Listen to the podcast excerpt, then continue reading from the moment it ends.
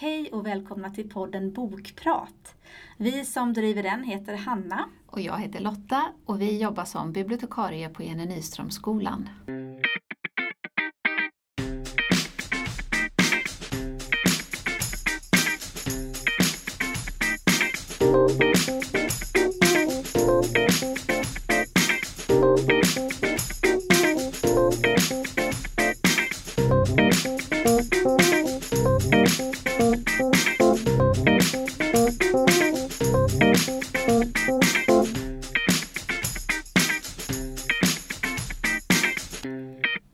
Äntligen är det studentvecka. Sista veckan innan sommarlovet. Ja, och nu är det verkligen, nu känner man det i luften. Hur det börjar närma sig och det är minuter nu nästan i nedräkning. Du, jag såg till och med en elev här nere med studentmössa på idag. De provar väl lite Ja. så att de sitter bra. Ja. Eh, Så det är verkligen den här känslan nu som bygger upp tycker jag på skolan. Som det alltid är i skolans värld. Sista skolveckan. När både elever och lärare uh, Ja, drar man- lite sådär en puss. Man väntar verkligen på att Ja. få gå och nästan springa ut till ledigheten. Ja, det är spännande. Och vi är ju faktiskt lite nöjda för vi gjorde ju den här satsningen i år med sommarkassar. Mm. Och har lånat ut många och har fått hela tiden fylla på lagret så vi Mm. hoppas ju att det blir en läsande sommar för många. Precis. Eller det verkar det ju som. Det är Ja, kul. jättekul. Ja. Och vi har ju, ska ju läsa en del i sommar men nu pratar vi om det som vi redan har läst. Och Ja, du, jag har ju läst en bok som heter Att överleva en sommar som är skriven av Camilla Prell Weichel. Ehm, och jag tänkte att överleva en sommar tänkte jag så åh det är någon sån här härlig, ja, eller härlig, det handlar ju ändå om att överleva. Men jag tänkte ändå kanske lite mer åt det feel good att det skulle vara humoristiskt tänkte jag nog att Ja, du att- tänkte ja, så. Ja. mm. Och, och den är ju den är alldeles rosa. Texten är röd och sen så ser man två långa flätor på framsidan. Eh, men den handlar om, den är skriven i ett barns perspektiv och den är, den är väldigt bra. Inte helt lättläst men den är riktigt bra skriven. Jag känner inte till den här författaren innan. Men hon är definitivt någon som man kan komma ihåg och följa. Den har liksom ett suggestivt språk i sig ur det här barnets perspektiv. Och vi pratade ju om det lite innan, att jag på något sätt har råkat hamna i att läsa många böcker ur barns perspektiv denna våren. Och jag tycker att denna, hon fångar det perspektivet så bra. Det känns så trovärdigt. Den här flickan det handlar om heter Michelle och hon är nio år gammal, så det är en ganska liten tjej ändå. Men jag tycker ändå hon fångar barnets språk så bra. Det känns väldigt trovärdigt. Michelle är uppvuxen i en familj med en pappa som dricker för mycket och en svårt sjuk mamma. Hon är så svårt sjuk, man får inte reda på riktigt vad det är men hon är för det mesta sängliggande. Och, eh, och det går lite fram och tillbaka under året förstår man också. Hon får mycket lunginflammationer vissa perioder och vissa perioder är hon helt sängliggande och någon dag när Michelle kommer hem från skolan så är hon faktiskt i köket och lagar lite mat. Så att det, det, det är lite sådär. Men ofta är hon sängliggande. Och den här alkoholiserade pappan och Michelle som bara är nio år får hjälpas åt liksom och ta hand om henne. Och man förstår ju tidigt att Michelle tar ett jättestort ansvar. Hon, alltså hon, hon byter på sin mamma, hon tvättar och duschar henne, hon, hon plåstrar om liggsår och så man tänker en liten nioåring Mm. ska det vara så här. Men det är en fin jargong i familjen i alla fall. Också den här pappan känns, alltså han kan ju inte låta bli alkoholen men han har liksom ett de har ett bra förhållande. Det blir liksom lite pappan och Michelle mot världen och mot Mm. mamman. han är inte våldsam. Han är så. inte våldsam, men han är ju ganska frånvarande. Eftersom den är skriven i ett barns perspektiv så får man ju inte reda på liksom, vi vuxna kanske skulle mer så stolpa upp, han gör det här och så här funkar det. Men det här är ju Michelles perspektiv. Och hon någon gång säger sådär lite, ja, jag tror han jobbar som säljare men jag vet inte riktigt vad det är. Han är ibland är han borta flera veckor och Mm, ja, mm, så att, mm. man vet inte riktigt. Eller om det bara är så att han är inne i, i perioder då helt enkelt. Så att, men hon inte kanske uppfattar det. Men den här sommaren som de handlar om så blir mamma så sjuk så att hon eh, hamnar på sjukhus. Och via socialen så ska eh, Michelle skickas till ett sommarhem. Så hon kommer till ett par som heter Irma och Henrik. Och, och man, man hoppas ju på så gott till den här lilla Michelle att hon ska få en sån här fantastisk sommar. Och det är precis så det börjar. Hon kommer fram och den här Irma är helt överväldigande mot eh, Michelle. Hon överöser henne med komplimanger och, och särskilt mycket mat i fika och godis och, och hemlagade köttbullar hela tiden. Och Michelle slappnar av lite i det här efter ett tag, även om hon hela tiden förhåller sig lite, lite på distans. För hon, hon är ju inte alls van vid mm. den här att bli omvårdad på det sättet. Och Irma säger Michelle hela tiden. Michelle, Michelle, kära lilla Michelle, och Michelle du är så söt. Så, och till slut anar man som läsare att det här känns inte helt, helt bra. Och ju längre boken går desto mer anar man ju att den här Irma är, hon är psykiskt sjuk. Mm. Ehm, och, så den här sommaren som skulle bli den här lugna perioden mm. när hon skulle få uppleva liksom en svensk sommar i en härlig familj blir mer och mer påfrestande för eh, Michelle och hon äh, det händer konstiga saker som hon som ett barn ska förhålla sig till och det är inte så lätt för i hennes egen familj med den här pappan och mamman, svårt sjuka mamman vet hon vad som gäller. Hon mm. är uppvuxen så och hon litar på sin pappa och sin mamma men här kommer hon till vuxna människor och Irma beter sig irrationellt ja. hela tiden. Så, det är ett evigt så parerande. Eh, så hon, hon är helt utarbetad till slut, den här stackars Michelle. Eh, och det, boken börjar med att man, de, hon kommer till det här huset och det är frid och fröjd och det är hemlagade middagar och de träffas till frukostar och så. Men det är ett rum hon inte får besöka. Och det är klart att det finns en lockelse i det här och ju längre man kommer i boken så får man reda på varför hon inte får gå in i det här rummet och Irmas beteende får en förklaring men det hjälper ju inte Michelle för hon har ju ändå fått uppleva den här kaotiska sommaren. Så när hon kommer tillbaka igen efter sommaren till sin familj och det är precis som vanligt. Pappan är alkoholiserad, mamman är sjuk fast mm. något bättre. Så är det så här, oh, vad skönt. Ja. Fast det ändå inte är en bra miljö så Nej. känner man ändå att ja, där. Hon är tillbaka i det hon känner då? På ja, något på något sätt. Mm. Men, men den är väldigt bra. Men den är svår att slita sig ifrån när man börjar läsa den. Mm. För när man kommer in i liksom Michelles eh, den här suggestiva tankevärlden som hon befinner sig i. Så jag vill absolut rekommendera den. Men kanske inte om man behöver en glad läsning inför Nej, sommaren. Precis. Den var inte den här mysiga hängmatteboken som Nej. du hade tänkt dig. Nej, det är den inte. Men väldigt bra ändå. Men ibland är det ju, får man ju kanske en, en väldigt bra läsupplevelse fast man inte hade tänkt sig den läsupplevelsen riktigt. Absolut, och det här är en sån här bok tror jag som man kan som liksom sätter sig lite i huvudet. Man kommer ihåg den här lilla Michelle och mm. kan nog snurra några varv i huvudet. Och den är inte så tjock heller så den är på det sättet lätt att läsa. Mm. Vad har du tagit med dig?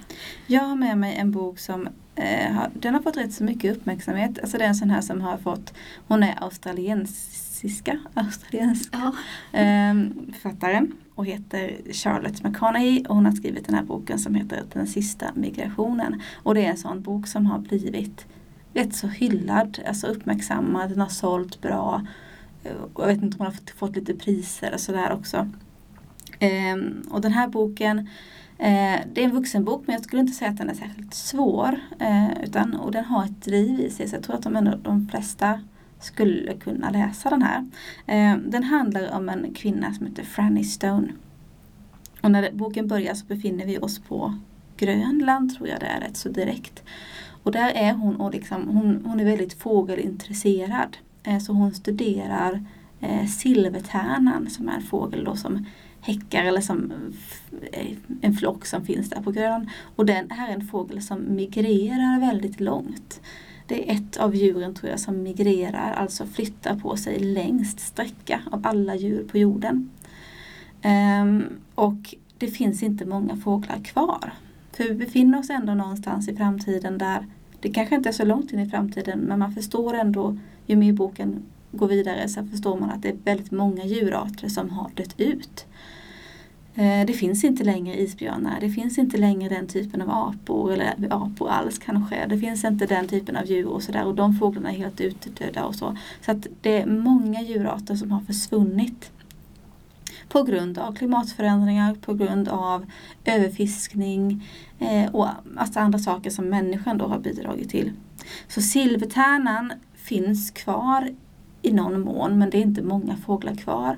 Och hon befinner sig då, Franny, på eh, Grönland och iakttar de här fåglarna och det är snart dags för den här migrationen, den är väldigt långa migrationen ner till om det är Sydpolen då eller någonting. Är hon där i en yrkesroll? Eller? Ja, det är åtminstone det som eh, man får intrycket av. Uh Sen ska man säga det att det hon gör då är att eh, hon behöver ju hitta någon slags fartyg att ta henne den här sträckan. För hon vill följa den här migreringen.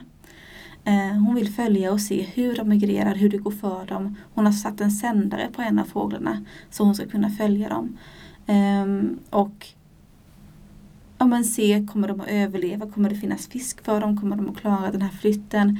Hur många gånger kommer de att kunna göra den här flytten alltså framöver? Eh, är det här den sista migrationen? Ehm, så att hon, hon hittar ett fartyg som hon lite grann skärmar sig på så att säga. Ehm, och eh, lyckas på så vis då övertala dem att de ska ta den här utökade resan som det ändå blir. Och det är en av de sista fiskebåtarna som finns kvar, eller som ett stort fartyg. Um, och hon, det är ju då under, vad ska man säga, benämningen att hon är forskare och att hon följer de här fåglarna som ett forskningsprojekt. Eh, men så är också boken en massa tillbakablickar till och då står det som att ja, men det kanske är fyra år tidigare eller så är det tio år tidigare eller tolv eller så där. Det står alltid vad det är. Eh, och då får man tillbakablickar dels från kanske när hon lite var barn och hur relationen till hennes mamma och hur eh, Ja men hon är född i Australien men hennes mamma kom från Irland. Och när hon var tio år så man ska inte säga att hon rymde, men hon gav sig iväg ett par dagar. Hon blev borta ett par dagar den här flickan.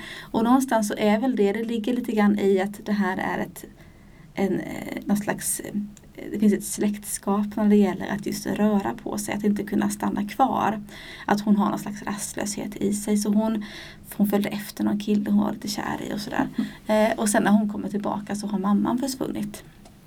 Och hon har inte sett mamma sedan dess.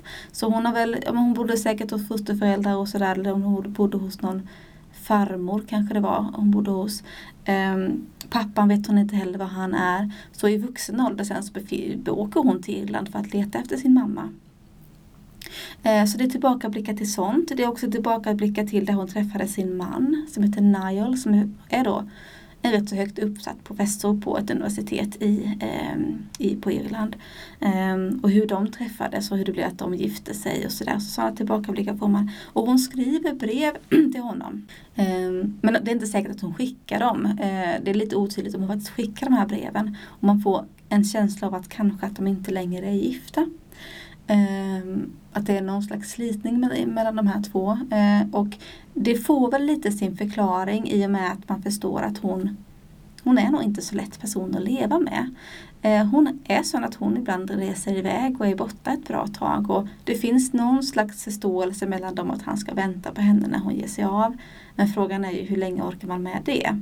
Så att man vet inte säkert hur relationen med Nile är men det avslöjar sig ju mer och mer under bokens gång och sen kommer det till ett läge där man kanske förstår hur saker och ting ligger till. Um, men i alla fall, varvat med de här tillbakablickarna eh, så är den här då resan på den här båtfart, eh, fiskfartyget för att följa de här silvertärnorna. Och man får mer och mer reda på men vart är hon egentligen på väg? Varför gör hon den här resan? Um, och det att det finns en väldig Det finns väldigt mycket sorg i hennes liv som hon någonstans inte har bearbetat. Och det kanske är det som den här resan egentligen handlar om. Eh, så jag vill inte avslöja för mycket för att det finns ändå det finns en poäng i boken med att saker och ting inte avslöjas direkt. Eh, jag tycker att den är väldigt fint skriven. Jag gillar den. Eh, kan förstå att den har fått den uppmärksamheten den har fått för att den är så pass lättläst. Eh, den hoppar ju lite i perspektivet men inte på ett väldigt krångligt eller svårbegripligt sätt. Ehm, så jag kan förstå att den har tilltalat en väldigt bred publik eller vad man ska säga. Eh, samtidigt så är det ju inte, jag menar i deckarsverige så är det kanske inte jätte, alltså väldigt många läser ju just kriminalromaner och sådär. Men den här har ju ändå det där tilltalet att det finns ett driv i den och man vill ändå veta vad är det som har hänt och man får de här små tillbakablickarna där man kanske får en pusselbit till. Men vad var det som hände då? Eller, eller sådär. Eh, och sen pö om pö så eh, får man hela pusslet lagt för sig. Eh, så jag kan förstå varför den har blivit uppmärksammad eh, och varför folk tycker om den. Så jag kan tänka mig att det är flera som kommer läsa den och tycker att den är väldigt bra. Jag började faktiskt lyssna på den men sen hann jag inte riktigt du vet, och så försvann den lite i men jag ska ta tag i den igen. Ja, precis. Jag, mm, det känns spännande. Jo men jag, tror, jag tycker ändå att den var läsvärd. Så det är egentligen mer hennes resa än eh, Silvertärnans? Det kan man ju absolut säga att det är. Utan det handlar ju väldigt mycket om att dyka ner i hennes mm. liv och hennes öde får man ju ändå säga kanske. Mm. Och trots att den har det här lite katastrofala som ett liksom ett täcke över boken så upplever jag ändå att det finns någon optimism i den också. Eh, för det är någonting som både hon, den här Franny och hennes man Nile har gemensamt är att de är otroligt passionerade över arternas bevarande. Eh, och eh, hon har liksom alltid haft någon slags känsla för det vilda och det fria. Eh, och det är också en sån där grej i boken att hon, hon går i sömnen. Eh, så att hon har alltid känt att hon har någonting inuti sig som hon kanske inte släpper fram när hon är vaken men som kommer fram när hon sover. Som hela tiden söker sig till naturen. Så hon är ute och, ute och vandrar och sådär mitt i natten ibland när hon sover. Så hon har fått binda fast sig själv i sängen för att hon inte ska iväg och göra saker som hon kanske inte borde och så. Um, så det finns väldigt mycket psykologiskt djupdyk i detta också kanske man kan säga. Kopplat då till världens tillstånd. Men det är skönt tycker jag när det finns den här lite, lite hoppfullheten mm. ändå. Det är jobbigt att läsa de här böckerna som bara är ja. så. Och jag upplevde ja. även ändå att även om man kanske när man läser den upplever att det är väldigt mycket sorg och elände så tyckte jag ändå att det fanns en hoppfullhet i den. Mm. Så det kan man ju hålla fast i. Ja, det får man göra. Och det kan ju vara bra just när vi går till sommarlov om man vill ha kanske det här lite mer lättare i tillvaron. Man vill inte gräva ner sig i det eländiga. Så vill vi hålla kvar vid lite optimism. Ja, precis. Nu var detta våra sista tips för denna Precis, termin. för nu blir det ju inte att vi kommer tillbaka till podden förrän efter sommarlovet. Nej. Men då kommer vi, jag har jag läst väldigt mycket böcker ja, över sommaren. Precis. Oj vad vi kommer tipsa om bra böcker då. Jajamän. Så tills dess, ha en riktigt skön sommar. Hej då! Hej hej!